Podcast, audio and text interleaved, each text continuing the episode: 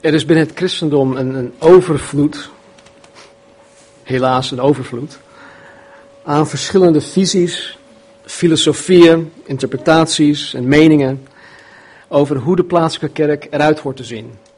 Hoe het uh, gestructureerd hoort te zijn, hoe het uh, georganiseerd hoort te zijn. En zoals ik vorige week ook al zei, zelfs binnen een kleine groep als die van ons kunnen de meningen en de visies daarover nog, uh, nogal verschillen. Daarom zijn we vorige week ook begonnen met een, een, een studie over kerkelijk leiderschap. En uh, vorige week waren we begonnen met uh, de leiderschapsstructuur. En vandaag gaan we kijken naar de kwalificaties van de kerkleiders binnen de plaatselijke gemeente zoals, uh, zoals deze.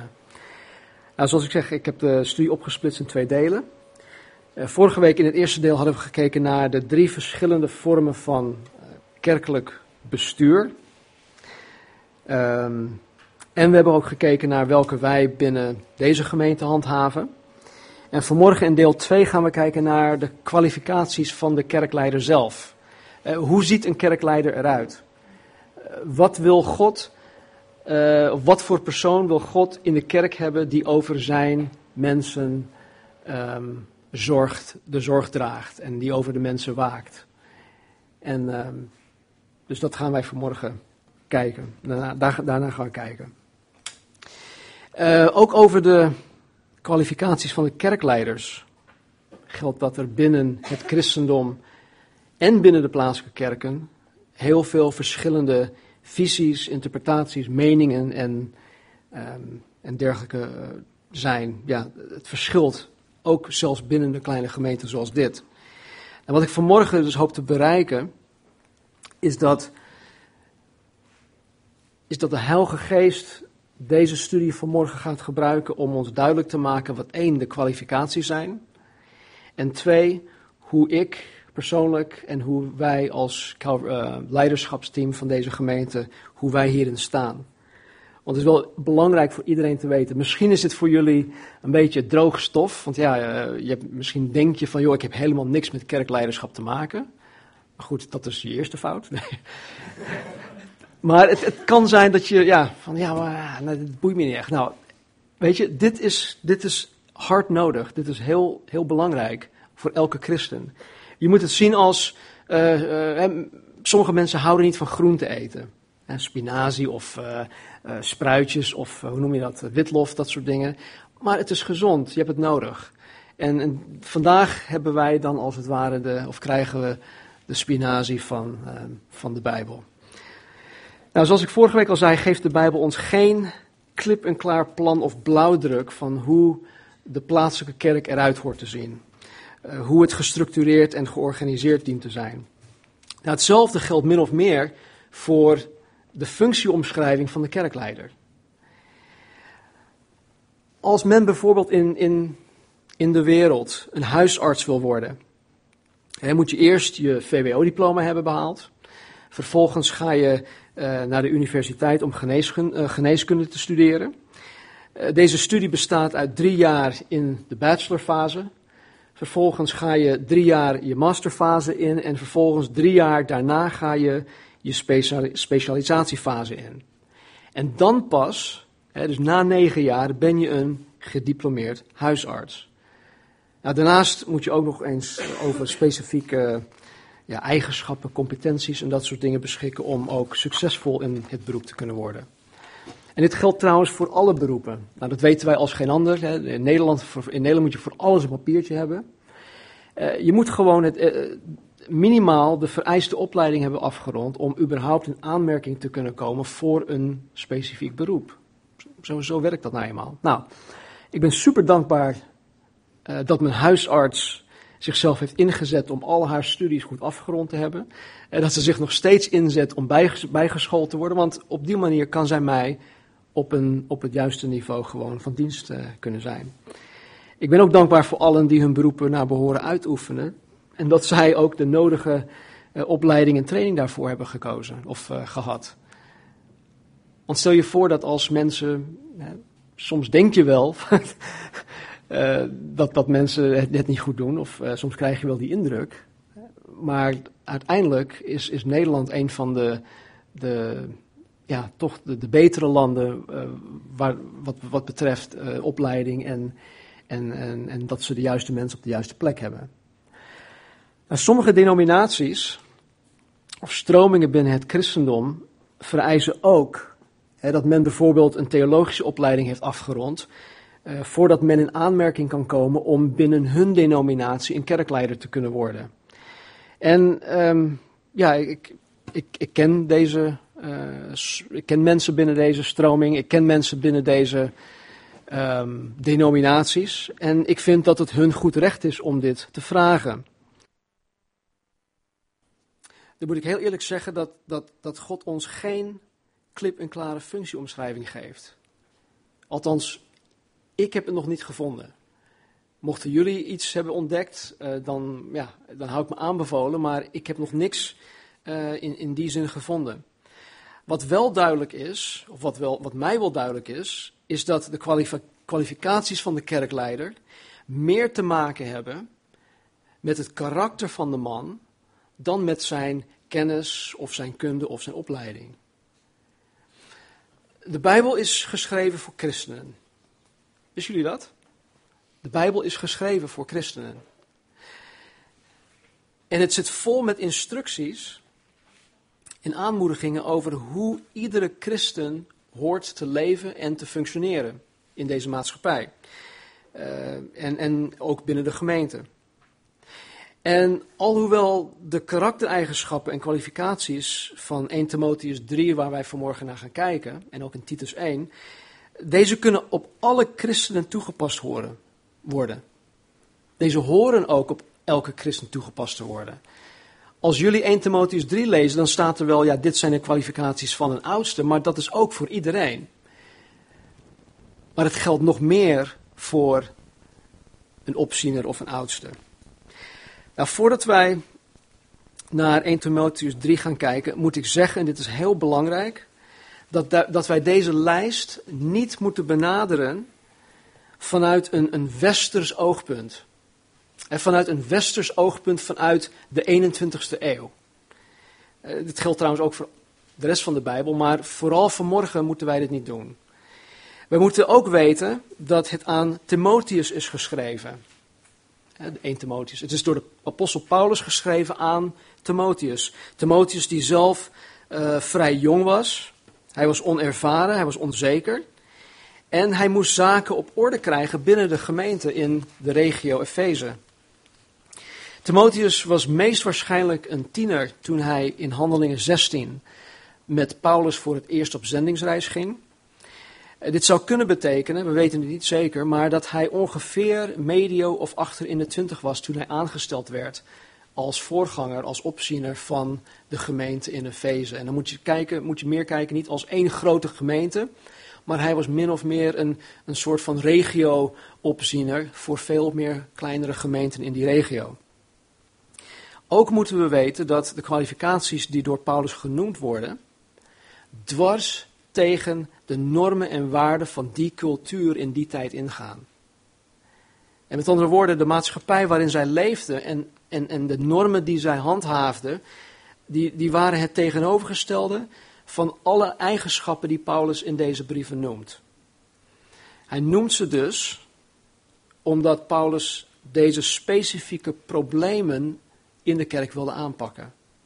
Hij had meer dan alleen een functieomschrijving voor ogen. Er waren problemen in de maatschappij, er waren problemen in de gemeente en hij wilde deze problemen met deze lijst heel specifiek aanpakken. Dus de lijst in 1 Timotheus 3, die wij vanmorgen gaan uh, lezen, die bestaat uit 17 eigenschappen.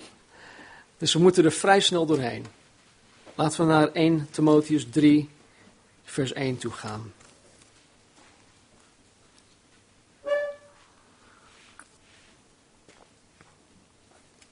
Paulus zegt, dit is een betrouwbaar woord.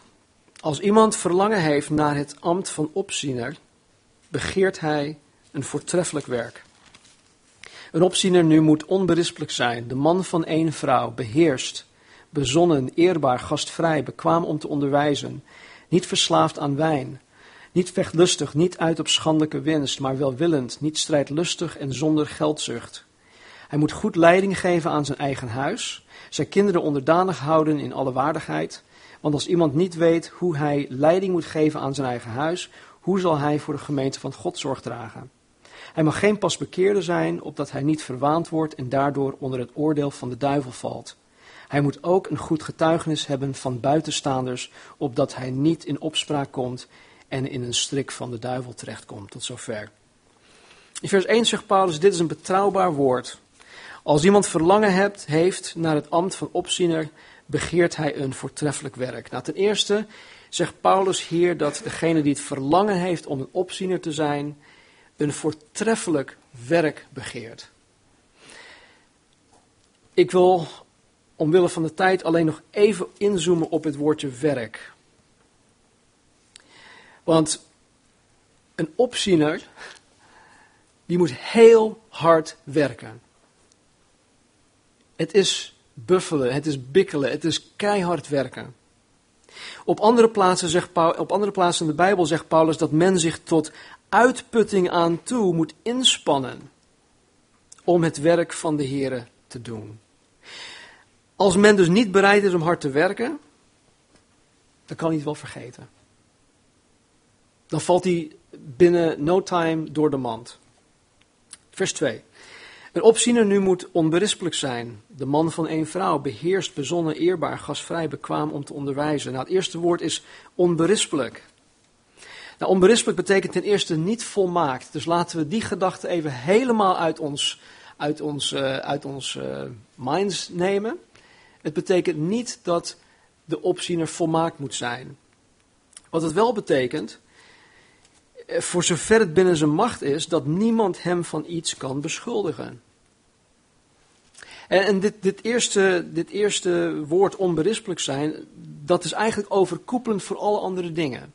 Dus hij moet onberispelijk zijn in, in, eigenlijk in alles, maar vooral in de dingen die, die, na, die hierna volgen. Nou, dit betekent in de praktijk dat niemand, um, of het betekent in de praktijk niet dat niemand je zal beschuldigen. En want op het moment dat je, dat je voor iets staat, op het moment dat je, um, dat je een, een bepaald standpunt inneemt, of dat, je, dat mensen weten van joh, hij leidt dit en hij leidt dat, dan kom je meteen al onder een bepaalde um, um, scrutiny, wat is dat? Mensen kijken heel anders naar je. Kritischer, veel meer kritisch. En niet iedereen is even, even rechtvaardig daarin. Je wordt vaak, helaas, ook vals beschuldigd van dingen. En niet eerlijk beschuldigd. Dus uh, het betekent in de praktijk dus niet dat niemand je zal beschuldigen, maar dat je in alle oprechtheid en integriteit niemand de gelegenheid geeft om je van iets fouts te kunnen beschuldigen.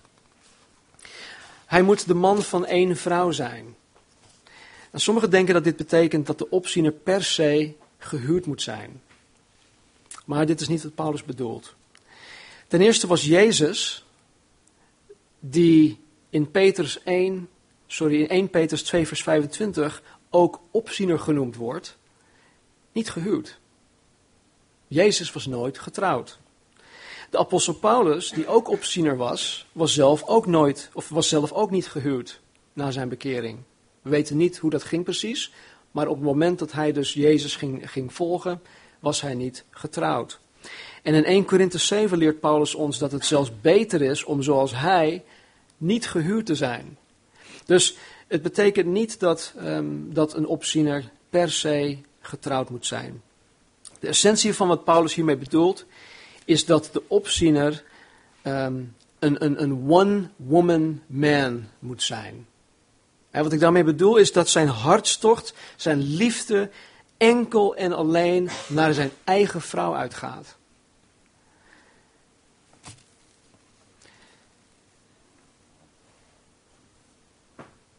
de cultuur waarin zij leefden, in die tijd, was het gebruikelijk om buitenechtelijke echtelijke relaties te onderhouden.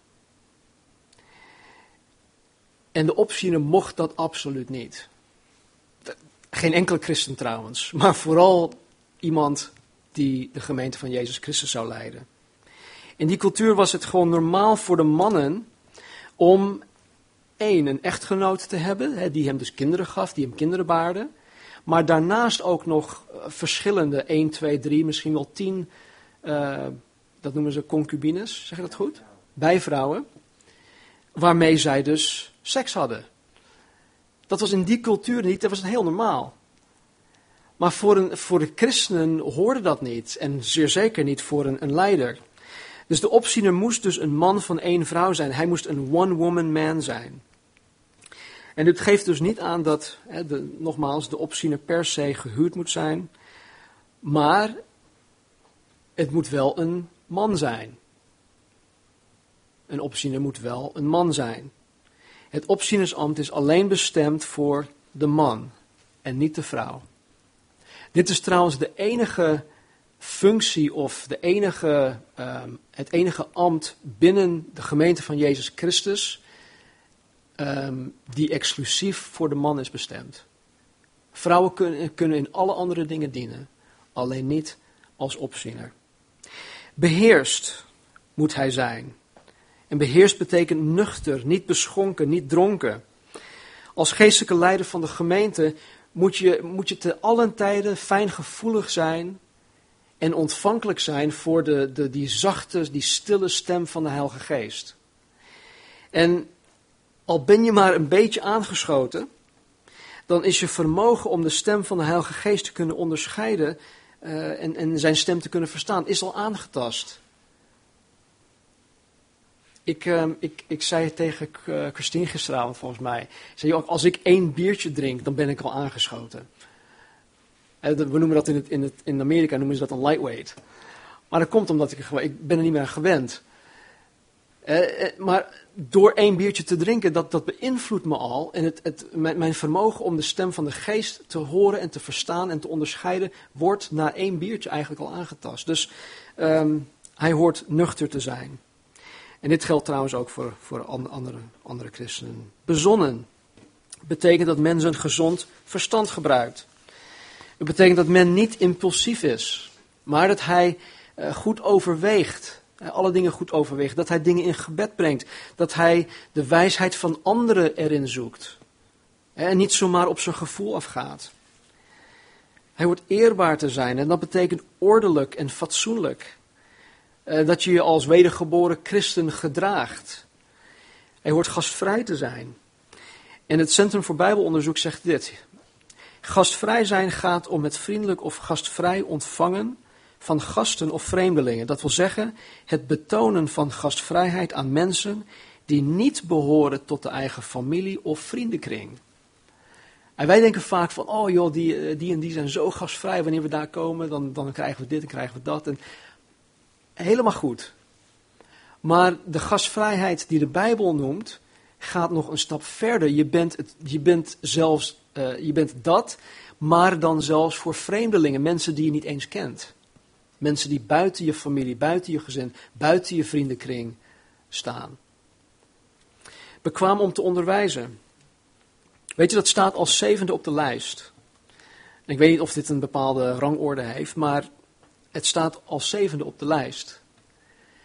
Ik denk dat, dat sommige mensen vaak de indruk hebben dat van, joh nee, ik, maar ik kan niet zo goed onderwijzen, of ik ben geen bijbelleraar, of ik kan dit niet. Dus ja, dan ben ik, geen, uh, dan ben ik dus niet gekwalificeerd. Maar het, onder, het bekwaam zijn om te onderwijzen betekent simpelweg dat je bekwaam bent om iets duidelijk over te kunnen brengen aan een ander. Weet je, sommige mensen, en dat is wel, vind ik wel grappig, als je eh, in, in een gesprek bent met sommige mensen, dan zijn, zijn ze al heel moeilijk te volgen. ze, ze, ze praten met je en je krijgt een soort van spraakwaterval over je heen en het is van de hak op de tak. Ja? En, als je, als je na, na, een half uur, dan, dan, dan, weet je helemaal niet meer waar ze het over hebben gehad. Nou, laat staan dat iemand, uh, dat zo'n iemand je iets wil leren. Nou, dat gaat niet. Zo'n persoon is dus niet bekwaam om te onderwijzen. Want zelfs in een normaal gesprek kan je het niet volgen. Laat staan dat ze iets wil, iets concreet wil overbrengen. Nou, als opziener moet je dus niet alleen bekwaam zijn, maar je moet, ook continu, je moet je ook continu inspannen om die bekwaamheid te verbeteren. Om je bekwaamheid aan te scherpen. Het is, het is net alsof eh, een, een, een, nou, een voetballer. Hoe vaak traint een, een, profvoetballer? Waarop trainen ze? een spits die, die, die traint toch op schieten, zeg dat goed? Ik weet weinig van voetbal hoor, maar uh, een spits die, die traint op, op schieten. Nou, de, de bal moet in het doel komen. Nou, daar traint hij op. Nou, deze bal, die moet ook het doel bereiken. Dus uh, je moet je continu inspannen om je bekwaamheid aan te scherpen en te verbeteren. Want als ik op een bepaalde manier niet mijn doel bereik, dan moet ik op zoek gaan naar een manier, of ik moet, ik moet me daarin aanpassen om toch wel mijn doel te kunnen bereiken. En dit geldt trouwens voor elke christen. Ik ben er stellig van overtuigd dat iedere christen, iedere christen in staat moet zijn om een ander tot de Heer Jezus te kunnen leiden. En dit is ook een stukje onderwijs. En als je niet weet hoe, dan moet je echt op zoek gaan naar wat voor jou persoonlijk het beste werkt. Ieder persoon is weer uniek. Ieder persoon heeft weer zijn eigen benadering. Trouwens, iedere persoon die je benadert, moet je weer op een hele unieke manier benaderen. Het mooie ervan is, het werk van God is, is, is uh, voor het werk van God ben je niet, of word je niet aan je lot overgelaten. Ik weet niet of ik nog tijd voor heb, maar um, om daarop terug te komen. Maar Jezus Christus is degene die ons daartoe in staat stelt. Op het moment dat je zegt, ik wil het, ik wil het doen, ik wil me daarin bekwamen, dan geeft God jou de kracht, eh, de kennis, kunde en alles wat je nodig hebt om het te doen. Vers 3, niet verslaafd zijn aan wijn. Dat betekent precies wat er staat. Een opziener mag zeer zeker geen alcoholist zijn. Niet vechtlustig. Betekent dat de opziener geen vechtersbaasje mag zijn. Die om welke reden dan ook erop loslaat. Hij mag niet uit zijn op schandelijke winst of oneerlijke winst. Ik geloof dat dit in de praktijk betekent dat, dat je niet moet sjoemelen met je belastingaangifte. Ook niet om zwart te werken of iemand zwart werk voor je te laten doen. Eh, je mag, je mag van alle regelingen in Nederland gebruik maken die, die er bestaan. Die mag je ten volle benutten als je het maar eerlijk doet en als je het maar volgens de wet doet. En dit betekent ook dat de opziener de mensen van de gemeente die hij dient niet mag manipuleren om meer geld te geven. Op welke wijze dan ook. Hij moet welwillend zijn. En dat betekent in de grondtekst vriendelijkheid. Het betekent redelijkheid, mildheid, zachtaardig. Niet strijdlustig. Dat betekent dat de opziener niet twistziek mag zijn, maar vredelievend. Hij mag niet iemand zijn die, die overheersend kritisch is op alles en nog wat. Of iemand die tegendraads is. Eh, of iemand die ruzie zoekt. Of iemand die per se zijn standpunt duidelijk wil maken. Waar mogelijk is het een vereiste dat de opziener woordenstrijd en verhitte discussies kost wat kost vermijdt. Waar mogelijk. Zonder geldzucht betekent dat geld absoluut geen rol speelt in de motieven en in het leven van de opziener.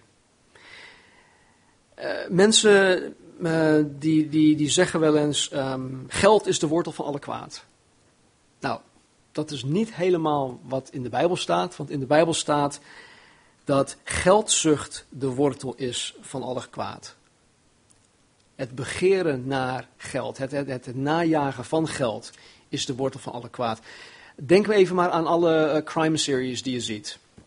En mensen die, die misdaden doen.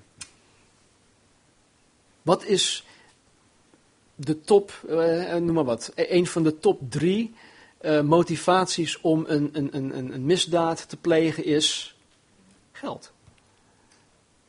Dus geld maakt, hè, als, je, als je veel geld wil hebben, als je geld najaagt, dan, dan, dan, dan, dan doe je hele rare dingen.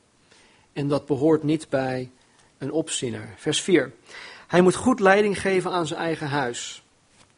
Zijn kinderen onderdanig houden in alle waardigheid. Nou, dat, dat slaan we over. Dit betekent nogmaals niet, het betekent niet dat de opziener per se gehuurd met kinderen moet zijn. Married with children. Dat betekent het niet. Paulus gaat er gewoon van uit dat indien iemand gehuurd is en kinderen heeft, dat hij hieraan moet voldoen. Nou, goed leiding geven aan zijn eigen huis betekent ten eerste dat de opziener in zijn eigen gezinssituatie duidelijk het hoofd van zijn gezin is. En dat hij die rol ook duidelijk uitoefent. Het mag zeker niet zo zijn, en het mag ook eh, zo blijken naar de buitenstanders toe. De buitenstanders mogen, geen, mogen deze indruk ook niet hebben, dat de vrouw van het gezin de broek draagt. Hij is degene die goed leiding moet geven aan zijn eigen huis. Nou, het goed leiding geven houdt in dat de opziener met liefde en met gezag zijn gezin leidt. Het, het, hij mag niet onverschillig zijn. Onverschillig zijn ten aanzien van het geestelijk, het emotioneel, het lichamelijk welzijn van zijn echtgenoten en van zijn kinderen. Hij moet de zorg dragen voor zijn gezin. Hij moet zijn kinderen in de vrezen des Heren opvoeden. Hij moet gezinsproblemen niet uit de weg gaan. Hij moet gezinsproblemen niet op zijn beloop laten gaan. Nee, hij moet ze aanpakken. Hij moet, ze, hij moet besturen en hij moet ook sturen waar nodig. Hij moet een goede rentmeester zijn van, van alles dat aan hem toevertrouwd is. Hij moet zeer zeker niet zijn eigen leven gaan leiden. Hij moet zeker niet gewoon zijn eigen ding doen. Op het moment dat een man kiest voor zijn vrouw, dan is zijn vrouw en dan is zijn gezin, dat is zijn leven. Het kan niet zo zijn dat uh, je, je, je kiest voor je vrouw en je gezin, maar ja, ik wil toch maar, toch mijn eigen ding doen. Nee, je eigen ding is je vrouw en kinderen. Dat is nu je eigen ding. Zijn vrouw en kinderen, die, die moeten op hem kunnen rekenen. Dat is um, het, het, goed leiding geven aan, aan, je, aan, aan, aan je huis, aan je gezin. En dan staat er ook nog zijn kinderen onderdanig houden in alle waardigheid. Nou, in alle waardigheid duidt niet op de kinderen, maar het duidt op de man zelf, op de opziener, dat hij het in alle waardigheid doet. Niet dat hij, als, dat hij, hij de boel tyranniseert of dat hij als dictator optreedt. Nee, hij moet het in alle waardigheid doen. Dit betekent niet dat de opziener, zoals ik net zei, een, een soort van dictator is, maar dat de kinderen hem duidelijk erkennen als het hoofd van het gezin en zich aan hem onderwerpen als zodanig. Nou, eerder gaf ik aan dat wij deze lijst niet moeten benaderen vanuit een westers oogpunt vanuit de 21ste eeuw. Nou, ik geloof dat wij vooral hier in vers 4 uh, dit niet moeten doen.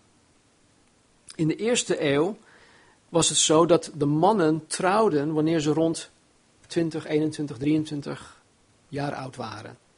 En zeg maar tussen de 20 en 25 waren. De vrouwen trouwden al tussen de leeftijd van 12 en 15. Wisten jullie dat Maria een jaar of 15 was toen ze Jezus kreeg?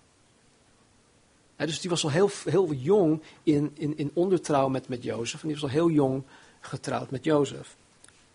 De meisjes trouwden voornamelijk op zo'n jonge leeftijd omdat de ouders, hier listen to omdat de ouders bang waren dat de meisjes in hun puberteit hun maagdelijkheid zouden vergooien en vervolgens niet meer in aanmerking zouden komen om uitgehuwelijkt te, te kunnen worden. Ik als vader zou dus, hè, ik, ik huwelijk mijn kinderen uit. Ik mocht dus alleen maagden uithuwelijken.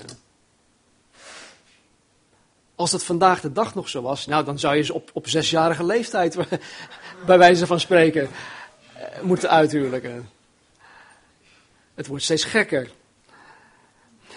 Maar mijn punt is, de kinderen die dus onderdanig gehouden werden in die tijd, dat waren jonge kinderen. Want vanaf het twaalfde levensjaar konden zij al uit het ouderlijk huis zijn gegaan.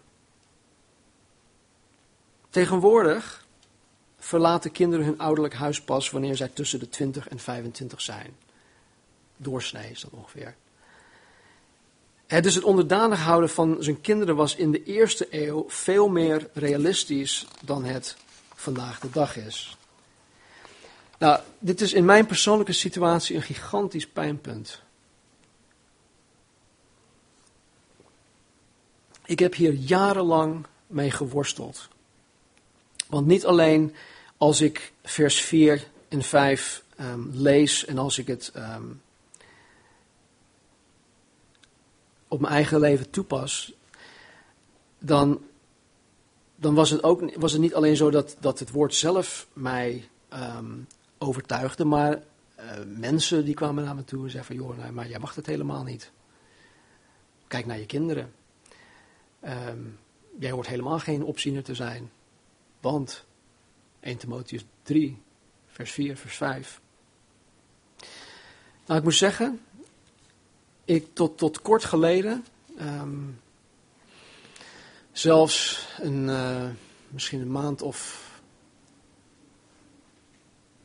zes geleden, nee, misschien een jaar geleden, tot een jaar geleden, um, kon de duivel mij hier nog steeds op aanspreken. Hij, hij, het was een heel pijnlijk punt. Want alle vier van onze dochters onderwierpen zich aan, aan Marnies en mijn gezag toen ze jong waren. Maar toen zij volop aan het puberen waren, van, van, vanaf hun zestiende of zeventiende levensjaar, begonnen zij zich tegen ons ouderlijk gezag te rebelleren. Ze schopten tegen, tegen, tegen Marnie en mij en, en ons gezag en, en onze wensen en onze regels. Nou, als wij in de eerste eeuw hadden geleefd, ons gezin, dan hadden wij deze problemen nooit gehad, want dan waren zij het huis al uit. Toch? Of, of, of niet? Ik, ik, ja? Dus ik, ik, wil, ik wil onze situatie dus niet goed praten, maar ik geloof niet dat ik als vader en opziener anno 2011 onder de huidige omstandigheden verantwoordelijk gehouden kan worden voor het wangedrag van mijn puberale dochters. Vooral als ik zeker weet dat Marnie en ik veel tijd en energie geïnvesteerd hebben in het opvoeden van onze kinderen in de vrezen des Heren. Want, vers 5. Als iemand niet weet hoe hij leiding moet geven aan zijn eigen huis, hoe zal hij voor de gemeente van God zorg dragen? Nou, de zorg die een vader heeft en geeft in het leiding geven aan zijn eigen huis, is vergelijkbaar aan het zorgen voor de gemeente van God, want het is Gods huisgezin. En weet je, er is nog een andere kant hier, hieraan. Net zoals de opzienerskinderen van zijn eigen huisgezin zich dienen te onderwerpen aan zijn gezag, horen ook Gods kinderen zich te onderwerpen aan zijn gezag. Oeh. In 1 Korinthe 16, 16 zegt Paulus tegen de gelovigen dat zij zichzelf moeten onderwerpen aan degenen die zichzelf ten dienste van de heiligen beschikbaar hebben gesteld. Mannen in de bediening. In Hebreeën 13, 17 staat dit. Dit is nog uh, duidelijker. Gehoorzaam uw voorgangers en wees hun onderdanig, want zij waken over uw zielen. En omdat zij rekenschap moeten afleggen. Gehoorzaam uw voorgangers, wees hun onderdanig, want zij waken over uw zielen, opdat zij dit mogen doen met vreugde en niet al zuchtend. Dat heeft immers voor u geen nut. Vers 6. Een opziener mag geen pasbekeerde zijn, opdat hij niet verwaand wordt en daardoor onder het oordeel van de duivel valt. Nou, ten eerste slaat dit woord pasbekeerde niet op zijn leeftijd, maar op zijn geestelijke rijpheid. Het, het Centrum voor Bijbelonderzoek zegt dit hierover. Ik lees het even voor. Een pasbekeerde loopt een verhoogd risico wanneer hem een grote verantwoordelijkheid wordt toevertrouwd. Hij zal de hem toevertrouwde taak kunnen opvatten als een persoonlijke erezaak en daardoor trots en hoogmoedig worden. Ook al kunnen pasbekeerden een groot enthousiasme hebben, zij missen geestelijke rijpheid en geloofservaring. Bij oordeel van de duivel kunnen we denken aan een oordeel dat door hem wordt veroorzaakt. Bijvoorbeeld de strik van de duivel. Een tweede mogelijkheid is dat een pasbekeerde oudste zal kunnen vallen in hetzelfde oordeel als dat wat de duivel zal ondergaan, namelijk de poel des vuurs. En dit vanwege het begaan van dezelfde zonde, namelijk hoogmoed. Um, vers 7. Hij moet ook een goed getuigenis hebben van buitenstaanders, opdat hij niet in opspraak komt en in een strik van de duivel terechtkomt. Weet je, de opziener moet niet alleen voldoen aan de criteria die door de gemeenteleden opgemerkt kunnen worden of moeten worden, maar ook buiten de kerkgenootschap dient hij goed bekend te staan. Ten eerste gaat het hier alleen om het leven na de bekering. Want veel van ons, die ja, in onze before Christ dagen, eh, misschien hadden we helemaal geen goede reputatie. Als je binnen de Calvary Chapel beweging kijkt, dan hebben vooral uh, de voorgangers van Calvary Chapel geen goede, uh, goed verleden. Die stonden bekend of eerder, die waren berucht. Maar na de bekering moeten wij goed bekend staan bij de buitenwereld. De opziener moet zich in alle situaties, en dit is zo simpel mensen, hij moet zich als een wedergeboren christen gedragen. Daar komt het op neer. Je moet je gewoon als een christen gedragen. En zodat je niet in opspraak komt. Dit betekent dat je je thuis goed gedraagt. Want uh, wat horen of wat zien de buren? Op je werk, hoe, hoe, ziet je werkgever jou? Hoe zien je collega's jou? Op school, hoe, hoe zien je docenten jou? Hoe zien je klasgenoten, schoolgenoten jou? En als men in opspraak komt door zijn wangedrag, dan kan hij eventueel in de strik van de duivel terechtkomen door de houding die hij dan neemt. Stel dat iemand betrapt wordt op wangedrag. Het is mens eigen om, om het ja, goed te kunnen, hè, goed te, te, te, praten. Het is mens eigen om, het, om ja, daarover misschien te liegen of zichzelf daarover te verdedigen. Uh, misschien gaat hij wel tekeer als je, als, je, als je die persoon daarop aanspreekt dan kom je in de strik van de duivel terecht. Want daar is precies waar de duivel jou hebben wil. Als hij je, je reputatie eh, kan, kan schenden, dan doet hij dat. Satan probeert je op alle fronten te pakken. En vooral waar het gaat om de getuigenis naar de buitenwereld toe. En daarom moet de opziener een goed getuigenis hebben. En, en je, moet, je moet daarvoor waken. Oké, tot slot nog even naar Titus 1, vers 6 tot 9. Er staat een, een, een soortgelijke lijst. Um, Titus is uh, na 2 Timotheus. Titus hoofdstuk 1, vers 6 tot met 9. Ik lees er snel doorheen. Zo iemand moet onberispelijk zijn, de man van één vrouw, gelovige kinderen hebben die niet te beschuldigen zijn van losbandigheid of opstandigheid want de opziener moet onberispelijk zijn als een beheerder van het huis van God, niet eigenzinnig, niet opvliegend, niet verslaafd aan wijn, niet vechtlustig, niet uit op oneerlijke winst, maar gastvrij, goedwillend, bezonnen, rechtvaardig, heilig, beheerst.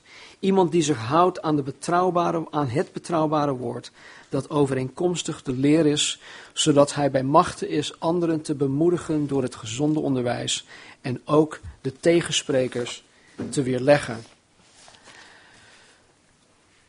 We hebben geen tijd om, om deze lijst nog door te nemen. En, maar tot slot wil ik dit zeggen. Alhoewel de Bijbel ons niet expliciet een minimumleeftijd geeft voor een opziener, wil ik nog wel even iets, iets hierover zeggen. want ik kan me voorstellen dat er mensen zijn die denken dat een opziener minstens x aantal jaar oud moet zijn. En, en, daar hebben ze hele goede redenen voor. Ik heb alle argumenten daarover gehoord. Ze kunnen het onderbouwen. Het, het, het klinkt heel goed allemaal. Maar waar de Bijbel niet expliciet over een onderwerp spreekt, dan, dan, dan moet je gaan spitten. Dan moet je je inspannen om, om de informatie die er is, eh, boven tafel te kunnen krijgen. Nou, daar ben ik voor. Maar ik, ik hoop, in mijn gebed is dat, dat jullie dat ook meer en meer zullen gaan doen. Dat ook jullie zelf gaan spitten. Dat jullie zelf de dingen gaan onderzoeken. Dat je het niet zomaar klakkeloos van mij aanneemt, maar ga dingen onderzoeken. Neem ook niet dingen klakkeloos van anderen aan. Nadat Jezus, en dat, dat had ik vorige week al uh, genoemd, maar dat nadat Jezus een hele nacht ervoor gebeden had, koos hij twaalf mannen uit. Twaalf oudsten, laat ik het even zo noemen. En wij kennen hun als de twaalf discipelen of de twaalf apostelen. Er staat nergens in de Bijbel hoe oud deze mannen waren. Toch? Of heb je dat misschien gemist? Nee? Oké, er staat dus nergens in de Bijbel hoe oud ze waren. Maar door naar de Bijbel te kijken, door, naar de hele Bijbel te kijken, is het mogelijk om in ieder geval vast te stellen hoe oud zij niet waren. Dan komen we alweer een stapje verder. Laten we nog even naar Matthäus gaan. Matthäus hoofdstuk 17, vers 24.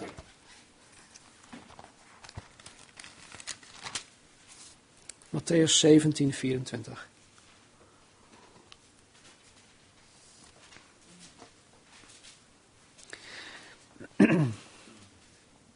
Toen zij, zij duidt op Jezus en zijn discipelen, toen zij Capernaum binnengekomen waren, gingen zij die de twee drachmen indienen, dat waren tollenaars, naar Petrus toe en zeiden, betaalt uw meester de twee drachmen niet?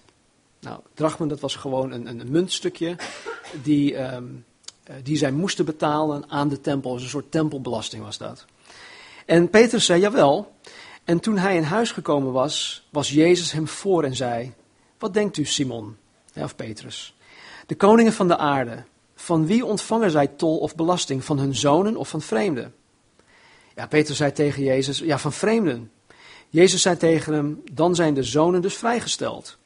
Maar om hun, dus de tollenaars, geen aanstoot te geven, ga naar de zee, werp een vishaak uit en pak de eerste vis die boven komt, doe zijn bek open en u zult een stater vinden. Neem die en geef hem aan, aan hen, dus aan de tollenaars, voor mij en voor u. Nou, een stater is tweemaal een drachma. Dus dat, het was genoeg voor Jezus en voor Petrus. In dit verhaal zien wij Jezus en zijn discipelen eh, benaderd worden door een tollenaar, ja, iemand die de tempelbelasting inde. En in dit geval zien wij dat alleen Jezus en Petrus de tempelbelasting betaalden. In Exodus 30, vers 14 eh, en 15 staat dat alle mannen alle Joodse mannen vanaf 20 jaar oud verplicht waren om deze tempelbelasting te betalen. Deze heffing. Dus hieruit, uit dit verhaal en vanuit Exodus 30, eh, kunnen wij concluderen dat alleen Jezus en Petrus 20-plussers waren. Want alleen Jezus en Petrus betaalden deze tempelbelasting, terwijl ze wel met z'n allen waren. Ook is het zo dat uh, behalve Petrus waren alle andere discipelen niet gehuwd. De Bijbel spreekt alleen over Petrus en zijn schoonmoeder. Dus Petrus was gehuwd. In Matthäus 11, vers 25 noemt Jezus zijn discipelen jonge kinderen. En in Johannes 13, vers 33 noemt hij hun lieve kinderen.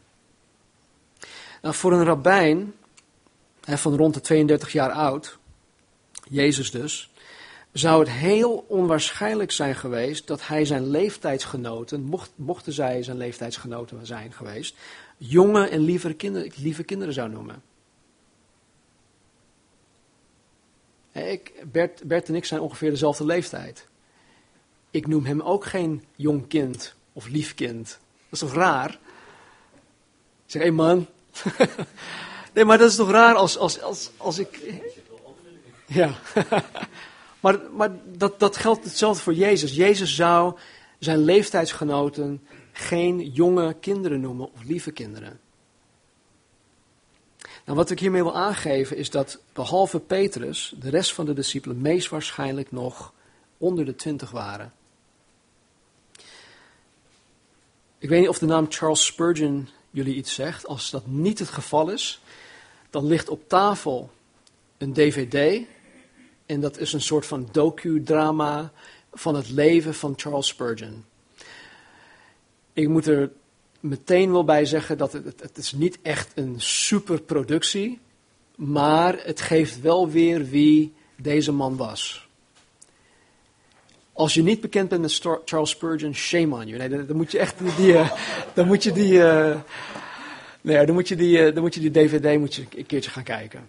Het is de moeite waard. Nou, Charles Spurgeon, hij wordt de prins der prediker genoemd. Hij, hij komt voort uit de 19e eeuw. En hij was 19 toen hij opziener of voorganger werd van de New Park Street Chapel in Londen. Hij was 19. Hij was 17 toen hij, toen hij voorganger werd van een andere kleine gemeenschap daarvoor. Ik weet niet of de naam Greg Laurie jullie iets zegt. Greg Laurie is degene die de Harvest Crusades uh, doet wereldwijd. Hij is ook een van de, de hippies die tot geloof is gekomen onder uh, de bediening van Chuck Smith in de jaren 70. Hij was 19 jaar oud toen hij voorganger werd van Harvest in Riverside, Californië. Dit is nu een gemeente die tienduizenden leden telt. Ik weet niet of de naam David Guzik jullie iets zegt. David Guzik was, uh, is nu de voorganger van, van Calvary Chapel Santa Barbara, maar hij was voorheen de directeur van de Bijbelschool, waarop Maarten en Roelof hebben gezeten. Ers heeft er ook op gezeten. En David Guzik was 19 jaar oud toen hij opziener voorganger werd van Calvary Chapel Oxnard. Er zijn nog veel meer voorbeelden van jonge mannen, eh, niet alleen in de Bijbel, maar ook van, van de, de laatste eeuw of de laatste paar eeuwen. Uh, jonge mannen die door de Heer geroepen zijn en die door de Heilige Geest aangesteld zijn als opzieners van zijn gemeente. En het is dus, ja, het is dan ook met heel veel vreugde voor mijn persoon. En ook met volledige zekerheid eh, dat ik Maarten en Roelof heb voorgedragen als kandidaat opzieners en oudsten. Ik twijfel daar totaal niet aan. En niet omdat, uh, omdat, het, omdat het mijn vrienden zijn of dat het mijn maatjes zijn. Of, nee, dat, dat speelt totaal geen rol. Ik zie gewoon dat God hun hiertoe geroepen heeft. En aanstaande zondag, de 15e, worden zij als onze oudsten ingezegend. Nou, ik weet zeker dat het een bijzondere dienst gaat worden. En ja, ik heb een verrassing. Laten we bidden. Vader, dank u wel, Heer, dat wij um, in vogelvlucht nog even hebben mogen kijken naar um, de kwalificaties, Heer, van de opziener, van de oudste, van de herder de kerkleider, Heer. En vader, ik weet als geen ander dat geen enkel persoon, inclusief uh, ja, uh, mezelf, Heer, dat, dat wij niet kunnen voldoen, Heer, aan deze lijst. Wij schieten op alle fronten tekort. Maar Heer, het is, het is een ideaal, het is iets waar wij naar streven. Het is een, een, eigenlijk een beeld van Jezus Christus. En Heer, het is uw werk. U zei tegen de apostel Paulus in, in Handelingen hoofdstuk 26, eh, zegt hij dat, dat uh, toen u aan hem verscheen op weg naar Damascus, dat u tegen hem zei, ik zal van jou, Paulus, een dienstknecht maken. Een opziener, een, een, een slaaf, een doulos. En Heer, dat doet u met ons, dat doet u met mij. Heer, dat doet u met Maarten en met Roelof. En Heer, ik heb het volle vertrouwen erin dat, dat u, die een goed werk begonnen is, dat u dat ook zal volbrengen, voleindigen. En ik heb ook het vol vertrouwen, Heer, in u dat, dat het werk dat u in, in Maarten en Roelof um, aan het doen bent, dat het een blijvend werk is. En Heer, dat het niet um, uit mezelf komt. Dat het ook niet uit andere mensen komt. Heer, dit is niet mensenwerk, het is uw werk. En vader, ik ben dankbaar dat u ons leidt, dat u ons uw woord geeft, dat wij uw woord hebben, Heer, om um, het na te leven. Heer, dat dat onze richtlijn is, dat dat onze standaard is. Dat Jezus Christus ons, ons grootste voorbeeld is. En niet alleen dat, Heer, maar dat u vooral door uw Heilige Geest ons ook vormt naar zijn evenbeeld. Dat u ons de kracht geeft om uw woord te gehoorzamen. Heer, opdat wij al deze dingen zullen zijn en worden. Dus Heer, zegen deze gemeente, zegen en ieder.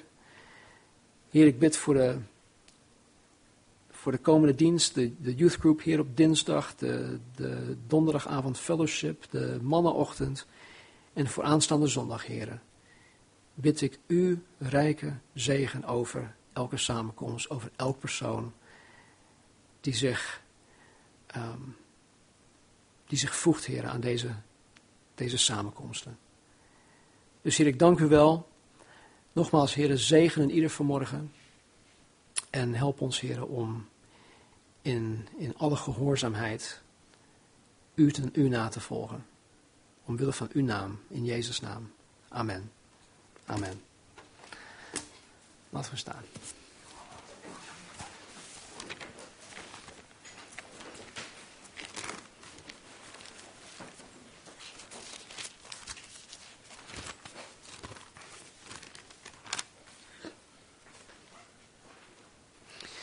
Paulus zegt in, 1, in Filippenzen 1, vers 6: Ik vertrouw erop dat Hij, Jezus, die in u een goed werk begonnen is, dat voltooien zal tot op de dag van Jezus Christus. Ik weet dat Hij bij machten is om jullie te vormen naar Zijn evenbeeld. En om als Christus te zijn, is het niet alleen om te zijn uh, hoe hij is qua karakter, qua eigenschappen, maar ook als the great hunter. He, mensen die uh, achter de verloren, verlorenen aangaan. Jezus kwam om de verlorenen te redden. En ik bid en ik hoop en ik geef het jullie ook mee dat jullie deze week bewust met die gedachte de wereld ingaan. De scholen zijn weer begonnen. Denk aan wie je kan winnen voor Jezus Christus. En denk er niet alleen over na, doe er wat mee. Ga erop af. Grijp hem bij de, bij de nekvel en, en win hun voor Jezus. Amen.